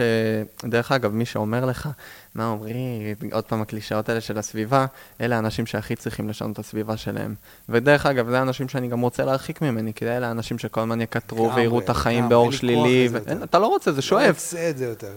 נכון? אני, יושב, אני יושב עם בן אדם היום, אחרי שתי שניות, כאילו, באינטואיציה, אני מרגיש עם הבן אדם הזה, אחרי שתי שניות, אני לא צוחק. אם הבן אדם הזה הולך לשאוב לי אנרגיה, או הולך לתת לי אנרגיה. אני יודע את זה אחרי שנייה, מרגיש את זה כבר על הבן אדם, והבן אדם ששואב, זה הבן אדם שלא באמת מבין שהוא רוצה לעזור לעצמו. לגמרי. פשוט שואב, כאילו. זה ממש ככה. כן, אין לי כוח לזה יותר. נכון, זה כמו ששאלו אותי בהתחלה, נגיד, על ההרצאות, מה, ההרצאה שלך אבל קשה, זה הסיפור הוא קשה. אמרתי, מה נראה לכם, שאני עכשיו הרצאה שלמה, 60 דקות, אני הולך לדבר איתכם רק על כמה קשה לי בחיים? ממש לא. אני אדבר איתכם על הפציעה, אבל עיקר ההרצאה זה הבחירה, זה ההתמודדות, זה הכלים, זה הכלים לצמיחה, זה הכלים לחיות החיים, הכרת הטוב, ערך החיים. זה מה שאני מתמקד, אנחנו מתמקדים בטוב. איך אתה עם המשפחה שלך היום? תשמע, אה, יש היום צלקות. עם כל, אבא. כל, היום אני יכול להגיד שכל המשפחה שלי פוסט-טראומטיים, מכל מה שעברתי כאילו. ומה שעברנו. תשמע, זו חוויה מטלטלת, זה מטלטל את כל המשפחה, אבל זה הופך משפחה למשפחה חזקה. אבל היא חזקה? אה, כן, כן. אתם חזקים ביחד? כן. זה, זה קירב ביניכם? אני היום, אבא שלי, יש לי אהבה אדירה אל אבא שלי. אדירה. ואתם קרובים? אה, כן, כן, כי אבא שלי אף פעם לא ויתר עליי. אף פעם. ואני חושב שזה לא משהו שמובן מאליו. אני רואה הרבה מאוד אנשים, אני, אני מקבל הרבה מאוד אנשים שההורים מוותרים, או שולחים אותם, או אין להם כוח אליהם. עכשיו, אני לא שופט את ההורים. אתה יודע, אני דן כל אדם לכף זכות, אבל זה... פשוט שם את אבא שלי באור שונה, כאילו. כן. כן. אני מבין כמה זה לא מובן מאליו שאבא שלי בא איתי ו... ולא ויתר עליי ונלחם. אבל איך הקשר שלכם היום? מדהים, כן? מיוחד. אתם קרובים? אה, בטח. בטח, אבא שלי, זה, זה, זה, זה, זה אהבה אדירה. כן. אדירה. אני אעשה לאבא שלי הכל. הכל. באמת, אוהב אותו, וזה... עוד פעם. הוא יראה את זה? בטח, אני אשלח לו. אה, אבא שלי בכל רגע היה איתי, בכתבות והכל. דרך אגב, מאז שאני ילד, הוא מלווה אותי לכל אימון, כן. לתחרויות, ל... כי יש, כי זה, יש, זה, יש קשר מאוד ספציפי בין אבא לבן. כן. מאוד, כאילו... זה... מגיל שלוש, כל מה שאנחנו רוצים זה פשוט כאילו את הגאווה של הבן אדם. נכון. זה מה שאנחנו רוצים. הי- היום אני יכול להגיד שאבא שלי גאה בי, אתה מרגיש את זה? מרגיש את זה. כן. כי אבא שלי תמיד אמר לי, צורי, עוד יום אחד אתה, יום, יום, יום יבוא ואתה תשפיע על אנשים. ואמרתי לו, אבא, מאיפה אתה מביא את זה? תראה איזה מצב אני. והוא אומר לי את זה שאחרי שלפני עשר דקות קמתי עם שתן מהמיטה. כן. והוא אומר לי, צורי, אתה תשפיע על אנשים, אתה תראה. והוא אמר לי את זה, הוא אמר לי את זה במהלך השיקום לא מעט, והוא אמר לי, אתה תעשה הרצאות. ואמרתי, איזה הרצאה? אני זוכר, ההרצאה הראשונה שלי, עמדתי, הסתכלתי ל- לרצפה כל ההרצאה, לא יכולתי להסתכל על הקהל. ו- והכל זה לא קרה. מובן, זה לא מובן מאליו שזה מגיע מאבא, כאלה משפטים. אבא, אבא, אבא אמר לי את זה, והוא הוא ממש טפטף לי את זה כל יום, אני מאמין בך. הוא אומר, לי, איך הוא אמר, אמר לי פעם, תסתכל על המדף גביעים שלך. אתה שם, כאילו, אתה יכול להחזיר את זה. ו... אז אני מבין עכשיו את אבא שלך. הוא הכניס בי את זה, הוא טפטף לי את זה. כן. ולא סתם אומרים, כל ילד צריך שמבוגר אחד יאמין בו. וזה זה לא רק בבית ספר, זה, לא, זה בחיים, וזה, זה כן, אבא, אבא האמין בי, לגמרי. ואני מודה לו על זה בכל יום. אה, אתה יודע, זה לא מובן מאליו, וגם אחים שלי ש... ששם, אתה יודע, יש לי אח שהוא היה איתי ב... ב... בהתחלה, הוא היה איתי בחדר, והייתי מפרק אותו מכות. עמרי, עכשיו אני אומר לך, מפרק מכות, הוא... זה היה עוד לפני הגיוס שלו. הוא התגייס לשריון, זה היה לפני הגיוס, תבין, הוא התגייס עם אימא של הפוסט-טראומה. הוא שמע אותי צורח הכל, ואני זוכר ש... אני זוכר גם שהוא היה, אחרי שהוא התגייס, היה על זה הרבה עבודה, אם התגייס, לא התגייס, הולך לטיפול. ואני ביקשתי ממנו, אמרתי לו, לך תתגייס, ההפך. אני רוצה שתהפוך את הצבא למקום טוב יותר. ההפך, שתביא, ראית אותי, לך תביא את מה שצריך להיות. אה, וזה הסיבה שגם אחים שלי הקטנים התגייסו אחריי. אתה יודע, אנשים שואלים אותי, מה, איך אחים שלך התגייסו, איך ההורים שלך נתנו? כי, כי אנחנו מסתכלים על הטוב, אנחנו לא יכולים להסתכל כל הזמן על הרע, כי הרע, הרע נמצא. אתה יודע, בוא, גם המצב היום במדינה, אני יכול להתמקד בבאסה והכל, והמחירים עולים ועליות, ו... ותשמע, יש לנו אלף ואחת סיבות למה לא טוב ולמה קשה לגור פה במדינת ישראל, אבל אני מסתכל על הטוב. ויש משהו שהוא בעיניי הכי ממכר במדינה שלנו, זה בסוף, יש איזה משהו שאתה, נגיד, אני אראה אותך ואני אגיד לך, אחי, מה הולך? וזה, יש, איזה משהו מיוחד דווקא בנו הישראלים. אז אתה יודע, אז אני, אני אתמקד על הטוב, אני רואה היום את הטוב של אנשים, אני לא מחפש את הרע של אנשים. אני דן, דרך אגב, אה, חלק מהאנשים שהיו אה, בצבא בזמן שנפצעתי, נפצעתי, אני דן אותם לכף זכות, הם היו ילדים, הם לא ידעו, הם הלכו אחרי רוח מפקד. אז אני לא שופט אותם, כי גם אני היום, אתה יודע, אימנתי בצבא, אז נכון, זה, זה, אימנתי בכושר קרבי וזה לא צבא והכל, אבל בוא, המתאמנים שלי עשו כל מה שאמרתי. כן. הייתי יכול להגיד להם, קפצו מהגג, הם היו קופצים מהגג. אז פתאום הבנתי, בואנה, צורי, הם היו ילדים, כן. מה אתה רוצה? הם היו בני 18. זה חלק מהתהליך התבגרות שלך. כן, כן, אני... זה מזכיר לי את השקיל, אבא שלו נטש אותו כשהוא היה ילד. ואחרי זה שהוא התפרסם, אז הוא ניסה ליצור איתו קשר. והוא לא נתן. הוא לא נתן לו, כאילו. ו... ואז, הרבה שנים אחרי, שהיו לו כבר ילדים, לשקיל, והוא הוא בדיוק יצא עכשיו סרט עליו פשוט. והוא הבין כמה טעויות הוא עשה. אז הוא הצליח לסלוח לאבא שלו, הוא חידש איתו את הקשר. כי הוא הבין, הוא פתאום, פתאום פיתח אליו אמפתיה, הוא מבין, כאילו, אם אני עושה כל כך הרבה טעויות, כאילו, גם עם הילדים שלי, גם עם, גם עם האישה שלי, אז אני מבין שגם הוא עשה טעויות. אז כאילו, הוא תיקן את זה והם חזרו לקשר. אתה יודע, מחילה זה, זה, זה חוזק, זה עוצמה של בן זה אדם. התבגרות. כן, כן. כי אתה מבין, שאתה, אתה, אה, כאילו, מאוד קשה לראות, להבין את החיים לפני ההתבגרות הזאת. מאוד קשה להבין איך, לגמרי. אתה, איך אתה יכול כאילו לסלוח, איך אתה, כשקורים לך כאלה דברים, אבל אז אתה מבין שגם לך זה קורה. נכון. ואז אתה מן הסתם יכול לסלוח גם להם. אז אתה יודע, יש, יש אנשים שאני לא סולח וזה בסדר. אה, אתה יודע, בסוף מי שפגע בי ברמה כמו שפגע, אני לא סולח. אבל אה, יש, גם, יש גם פעמים שזה בסדר לא לסלוח, תלוי. אם אתה לא סולח ואתה צובר את השנאה ואת הכעס בפנים, אתה כבר בבעיה. כי נתת לצד השני את המקום שהוא רוצה. אתה עכשיו נפגע. ואתה ממשיך, נפגעת כבר ואתה ממשיך להיפגע. ואני אמרתי שאני לא אתן לכל האלה שפגעו בי עוד יום אחד להרגיש שהם ממשיכים לפגוע בי. אין סיכוי, נגמר. גם אחרי שחזרתי, אתה יודע, אני במשך שנתיים חשבתי שאני אישה. במשך שנתיים, כי דיברו אליי גם בלשון נקבה. ואני חשבתי שאני אישה. לא הסתכלתי על המראה במשך שנתיים, ממש הייתי בטוח שאני אישה. אה, ואני זוכר שהגעתי, ל...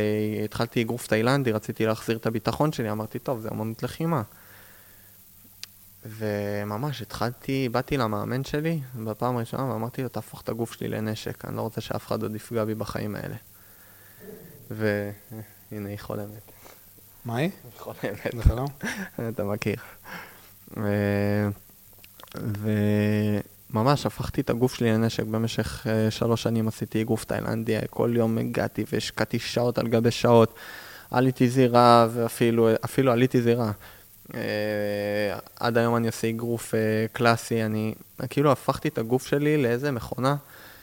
אני כל בוקר, במשך כבר uh, כמעט חמש שנים, אני מעלה את אותו סטורי. יש לי בוקר שאני מעלה עם הבגדי ריצה, שאני יוצא לרוץ. כל בוקר אתה רץ? כל בוקר. לא הפסדתי ריצה, חוץ מיום אחרי החתונה שלא יכולתי לעמוד על הרגליים. חמש שנים כל בוקר? כל בוקר. עמרי, לא הפסדתי ריצה אחת בחיים. מה, מה זה לימד אותך? כאילו, אה, עכשיו, למה אני. עושה את זה? עכשיו, אתה יודע, אתה יודע, הנה שאלת השאלות. כי היום אני לא רץ רק בשבילי. לא, אבל מה ההתמסרות הזאת של לעשות משהו כל בוקר חמש שנים? זה, אתה, אתה מסתכל על מה זה עושה לך. קודם כל, ברמה האישית, אתה יודע, עם, כל החיים, כל, סליחה, אני לא אומר כל החיים, אני עושה הכללה, מהרגע שנפצעתי, לא היה לי למה לקום. פתאום יש לי למה לקום. חמש שנים אני קם עם תחושה שאני כלום. אין לי שום סיפוק, אין לי שום דבר. פתאום אני קם, כבר יצאתי מאזור הנוחות שלי. יצאתי לריצה, חזרתי, התקלחתי, מדיטציה, אני אעשה איזה אימון כוח אולי, אגרוף גם אני אשלב. אני פתאום, תראה כמה הצלחות אני עושה, עוד לא התחלתי את היום שלי, אומרי, שש וחצי אני כבר עם אה, רשימה של הצלחות. אבל היום אני לא רץ רק בשבילי, אני רץ עוד היום בשביל כל כך הרבה אנשים שכותבים לי עד היום. אתה יודע, אתה נותן לי תקווה, אתה נותן לי תקווה לקום, אתה נותן לי תקווה לעשות. כאילו. כי דווקא מתי שהכי קשה לי, אני מעלה את הסטורי הזה, מתי שהכי קשה לי. ואני כותב PTSD, רצים וצומחים עם הטראומה. כל בוקר? אני רץ עם הטראומה, אני סוחב את הטראומה, עמרי, הזיעה צרובה לי, אני בוכה תוך כדי ריצה, בורח לי במכנסיים, אני מתעלף לפעמים תוך כדי ריצה, אני מתעלף בסוף ריצה, אבל אני מוכן לעשות את זה שוב ושוב ושוב, כי אני יודע מה הרווחים שלי ומה אני מקבל בזה. אבל טראומה זה משהו ש... ועם, זה גם נתחיל לסכם. כי הרבה אנשים סוחבים פוסט-טראומה. נכון. זה משהו שאפשר לרפא מבחינתך? אה, אני חושב שטראומה, אתה יודע, בואו נדבר תכלס, אני לא מטפל, אני לא רוצה להיות מטפל גם. אבל טראומה... בחוויה שלך, אבל. בטראומה, אה, לגמרי אפשר אה, לעבוד, אפשר לנהל אותה, כי טראומה נשארת כל החיים. אתה יודע, אתה לא מוחק אירועים, אתה לא מוחק חוויות. אתה לא חושב שאפשר לרפא טראומה? אה, אני כן, אני חושב שאפשר פשוט לחיות עם זה, ובצורה מאוד מאוד טובה, אה, כי, תשמע, עמרי, אתה לא יכול למחוק זיכרון. אתה לא יכול למחוק. הרי מה זה טראומה? טראומה זה הזיכרון, זה החוויה, זה האירוע שחווית. אני כן מאמין, ואני אומר את זה פה, ואין לי בעיה להגיד את זה בכל מקום. אני מאמין ואני אעשה גם הכל על מנת שיגיע הרגע ואני לא אתעלף יותר, ושאני לא אקום מסיוטים כמו שאני קם היום. אתה יודע, אני יכול להגיד שאני עושה הכל כדי אה, אה, לשפר, להשתפר, ובאמת לצמוח כמה שיותר. אני לא, אני, אני, זה, זה חלק ממני, הסיפור הזה. חשבת על אה, ויפאסנה נגיד? מה חשבתי? על ויפאסנה? לא. אמרת שאתה עושה מדיטציה. אני עושה דמיון מודרך יותר. זה כאילו, אתה יודע, מדיטציה דמיון מודרך, אני יותר אוהב את הדמיון מודרך, כי אני אוהב להרגיש את המוחשי, איך אני יוצא מזה, מה, מתוך, ה, מתוך הקושי. אני ממש רואה את עצמי, איך אני יוצא, איך אני כן קם כל בוקר, למרות כל הקשיים. ככה אני עוזר לעצמי. אה, הקמתי עמותה לפני שנה גם, שזה בכלל, זה שמה? המפעל חיים שלי. הקמתי עמותה, קוראים לה לצמוח כמנצחים, השם של השיטה, שזה מרכז צמיחה גופני ומנטלי, אה, אין מה לעשות, נפש והגוף זה ביחד. אני מאוד מאמין בשני העולמות האלה, אה, חיברתי לזה עוד כמה דברים, אה, וזה הגיע אחרי שפתאום הבנתי שאין לי פנים להגיד לבן אדם שאין לו את הכסף לשלם לתהליך, שומע, לך, אין לך כסף. אז מה, אתה מגייס? נעשה עמותה. מגייס, יש תרומות? תרומות, יש תורמים, הכל, יש שירותים. אה, אני היום נותן את השירותים, אתה יודע, ל- לגופים אה, גדולים במדינה, וואו. רווחה, הכל. אה, מלווים דרך העמותה, עשרות אנשים שמלווים, ד... או, או מגיעים לבית שלהם ומוציאים אותם מהבית, אנשים שלא יצאו שלוש, ארבע שנים, חמש שנים מהחדר שלהם, אנחנו מוציאים אותם החוצה. אה, ממש נותנים להם את הכלים המנטליים, הפיזיים, אה, כי אין מה לעשות, בן אדם, כל עוד בן אדם גם לא יעבוד על עצמו, על הגוף שלו, תמיד יהיה לו רע לו עם עצמו. לא סתם, אתה יודע, מישהו בא אליי פעם, אמר לי, מה, אבל אני לא אוהב לרוץ. עכשיו הוא היה כבד משקל. הוא אומר לי, אני לא, לא אוהב, כאילו, עזוב אותי ספורט. אמרתי לו, למה אתה לא אוהב? כאילו, אמרתי לו, בוא תהיה כנה שנייה רגע עם עצמך, למה אתה לא אוהב? ואז הוא אמר לי, לא יודע, תשמע, אני לא טוב בזה, וזה, ופתאום הוא התחיל להסתכל על כאילו. עצמו, ואז הוא עושה, הוא עוצר, הבנתי אותך. כאילו, אתה יודע, אנחנו לא כנים עם עצמנו. וגם פה, בפציעה, אנחנו אין מה לעשות, יש לי שקופית שאני אומר קורבן או מנצח.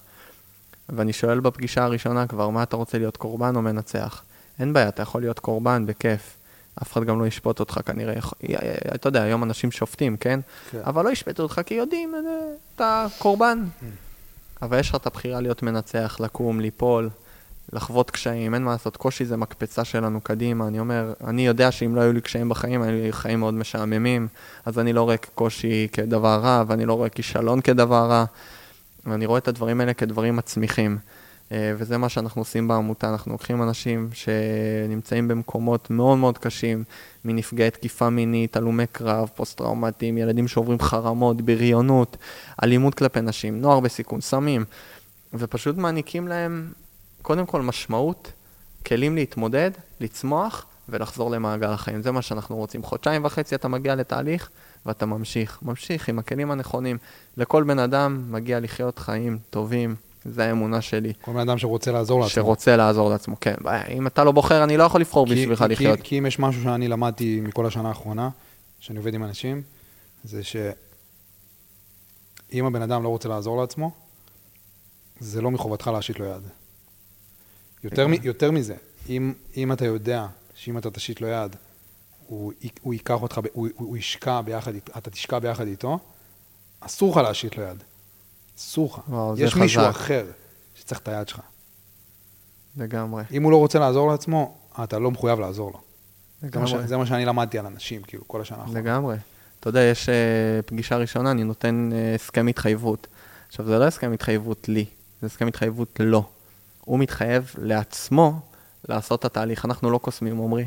אין קסמים, אין אה, קיצורי דרך. בן אדם צריך באמת לבחור. ואני בהתחלה, אתה יודע, אה, מה שאתה אומר זה הדבר הכי נכון והכי מדויק שיש. כאילו, אני מקווה שכל בן אדם שעכשיו ישמע אותך, באמת יבין את זה. כי אתה באמת רוצה לעשות משהו עם החיים שלך, בוא קודם כל, אתה תעזור לעצמך. האמת שהדבר הזה הוא אפילו יותר מופנה לאנשים שעוזרים. כי okay. אוקיי. מי שעוזר, או, מי, או לאנשים שמטפלים, אה, צריכים להבין, הבן אם הבן אדם לא רוצה לעזור לעצמו, אתה לא מחויב לעזור לו. לא, זה, זה עכשיו, אתה אומר פה משהו, בעיניי זה, זה כאילו, זה must, כאילו חייב. כן, אתה לא מחויב, נקודה. אתה גם לא תצליח, אבל לא משנה, אתה לא מחויב. יש מישהו אחר שרוצה לעזור לעצמו שצריך אותך. אני בהתחלה הרגשתי כזה לפעמים לא טוב עם עצמי, כאילו, מה, אולי אני מוותר עליו? ואתה לא מוותר, הוא לא, לא רוצה, מחויב, הוא, הוא לא רוצה. רוצה. כן, הוא לא רוצה. אין איך. אם הוא לא רוצה, אין איך. פשוט אין איך. זה כל כך קשה, התהליך של הריפוי והתהליך של ההחלמה של האדם, נכון. הוא כל כך קשה והוא כל כך יומיומי וסיזיפי, שאם הוא לא רוצה, הוא לא יצליח במילא. אז אין לך מה לחפש שם. וואו. איך אתה רוצה לסכם? וואו, קודם כל היה לי כיף. כן, אה, ממש. אני, אתה יודע, אני תמיד אני מדבר, אני, כל החולצה שלי, אני ספוג בזיעה רק עם מי לדבר על, לדבר על הכל. אה, אבל אני, אני פשוט היום מבין שאנחנו לא יכולים לשמור את מה שיש לנו. אתה יודע, פעם היה לי איזה מחשבה, רגע, מה, אתה תיתן את הידע שלך, את הדברים? אז אמרתי, עוד פעם, הנה, אתה עוד פעם במחשבה של אגואיסט. כאילו, אני כל כך מאמין במה שאתה עושה, אה, ובמקום הזה של אה, באמת לבוא ולתת לאנשים, כאילו, קחו. כאילו, מבחינתי, בן אדם שרוצה לעזור לעצמו, בוא, בוא תשמע את הפודקאסט שלך, בוא תראה את התכנים, תיקח, תתחיל ליישם, תתחיל לבוא ותתחיל לעשות משהו עם עצמך. כאילו, אנשים לפעמים מחכים בבית, יושבים רגל על רגל, חושבים, לא יודע, מישהו יבוא וימשוך אותם, זה לא עובד ככה, בוא תמשוך את עצמך ותתחיל לעשות משהו עם החיים שלך. ואני הייתי שם, ומותר לי להגיד את זה. וואלה, עמרי, אני יכול לבוא ולהגיד לאנשים, נשמה, אתה, אתה קורבן או שאתה מוותר לעצמך. ואני לא אומר את זה מהתנסות, אני הייתי שם, הייתי במקום הזה של, ה, של, של רוב האנשים. בוא, אנחנו... בטח היום, בתקופה ובעידן שאנחנו נמצאים היום, גם אחרי הקורונה, כל בן אדם צריך עזרה. כל בן אדם צריך uh, תהליך. Uh, גם אנחנו, שנינו, הנה, דיברנו על זה שאתה יש לך מטפל, לי יש מטפל, מאמן. כן, בדיוק, כולנו ב, צריכים. בדיוק, בדיוק ביום שישי בסדנה, כזה, אני, מישהו, אחד, מישהו דיבר איתי כאילו על איזה טיפול שהוא, שהוא עובר, אני אומר, כאילו, אם אתם הולכים למטפל, ש, ואת, ואת, ו, והוא אומר לכם, ואתם מבינים שהוא לא בעצמו הולך למטפל גם, תברחו מהחדר. תברחו מהחדר. אם המטפל שלכם לא הולך למטפל, תברחו מהחדר. עד כדי כך, כאילו. אני לגמרי מאמין בזה, אנחנו כאילו, צריכים, כולנו צריכים. לגמרי. אני אצל המטפל שלי פעמיים בשבוע. עכשיו, עכשיו, אחרי חצי שנה הורדנו לפעם בשבוע, לבדיקה. אבל אני אצלו פעמיים בשבוע, חצי שנה כבר. כאילו. אתה מבין? וזה חשוב, אנחנו גם צריכים את הדלק. בוא, יודע מה? שם אותך על הכי פשוט. אני בטוח שאתה שומע סיפורים לא קלים במהלך היום-יום. בוא, אנחנו גם בני אדם בסוף. כולנו צריכים לבוא גם לעבד את הדברים. ואני אומר תמיד, אני, אני קורא לזה, אני כל, כל ערב אני עושה ניקוי לגוף שלי. אה, כי אתה יודע, אני מצד אחד, אני, תן לי לשמוע, תן לי לעזור, אני הכי בפוקוס, לא משנה מה, אני אהיה 100% עבור הבן אדם. אבל בסוף יום אני חייב לעשות ניקוי גם לעצמי, אני חייב לעשות לעצמי טיפול. אני הולך לטיפולים, אני פעם, אה, אני כמעט, אני לא אגיד כל יום, כמעט כל יום אני הולך לים ואני יושב עם עצמי. אני בוכה, אני פורק, אני נותן לעצמי להוציא הכל, כי אנחנו גם צריכים, אנחנו גם בני האדם, וכולנו צריכים לדאוג לעצמנו. אה, אז אתה יודע, אנחנו יכולים להגיד רק למי שיושב שם בסלון או משהו, יאללה, חביבי, קח את הרגליים ותטוס, כי החיים מטורפים וגם החיים רצים. החיים רצים מהר והם עוברים מהר. ואיך, אתה יודע, יש איזה משפט של, אה, יודע, אה, שמעתי לא מזמן. אל תחכה להגיע לגיל 60-70, להסתכל אחורה ולהגיד, וואי, למה לא עשיתי עכשיו? בוא תעשה עכשיו, תחיה. אני אומר, היה לי איזה משפט שאמרתי, גיסי תמיד צחק עליי, לא מחר. הרגע, הזמן הטוב ביותר לשינוי. כאילו, תמיד הוא צחק איתי, אבל זה ממש נכון. כאילו, אנחנו מחכים ומחכים, ואני בזבזתי, אני אומר בזבזתי, נכון, אולי זה הייתי צריך ללמוד את הכל. בזבזתי כמה שנים בלרחם על עצמי, ובאמת היה לי את כל הסיבות בעולם, בוא, לעשות על עצמך את הצרכים, את השתן, להתעלף, לפצוע, למה שאתה רוצה. כן, יש לי את התירוצים. אבל תמיד יש לנו גם את היכולת לבוא ולקום ולצאת ולפרוץ לעצמנו דרך ולעשות וליצור חיים. החיים מדהימים, מדהימים. רק להגיד תודה, לקום בבוקר, להגיד תודה. הידיים מתפקדות, הרגליים מתפקדות, לא צריך יותר מזה. יש לנו מיטה לישון עליה, אוכל במקרר. זה הדברים הכי קטנים, עמרי. ואז אנחנו מבינים איזה חיים מדהימים יש לנו. לגמרי. אז זה הסיכום שלי, פשוט לאהוב את החיים. כן, החיים מדהימים, אחי. לגמרי. יאללה. יש לנו את זה נראה לי.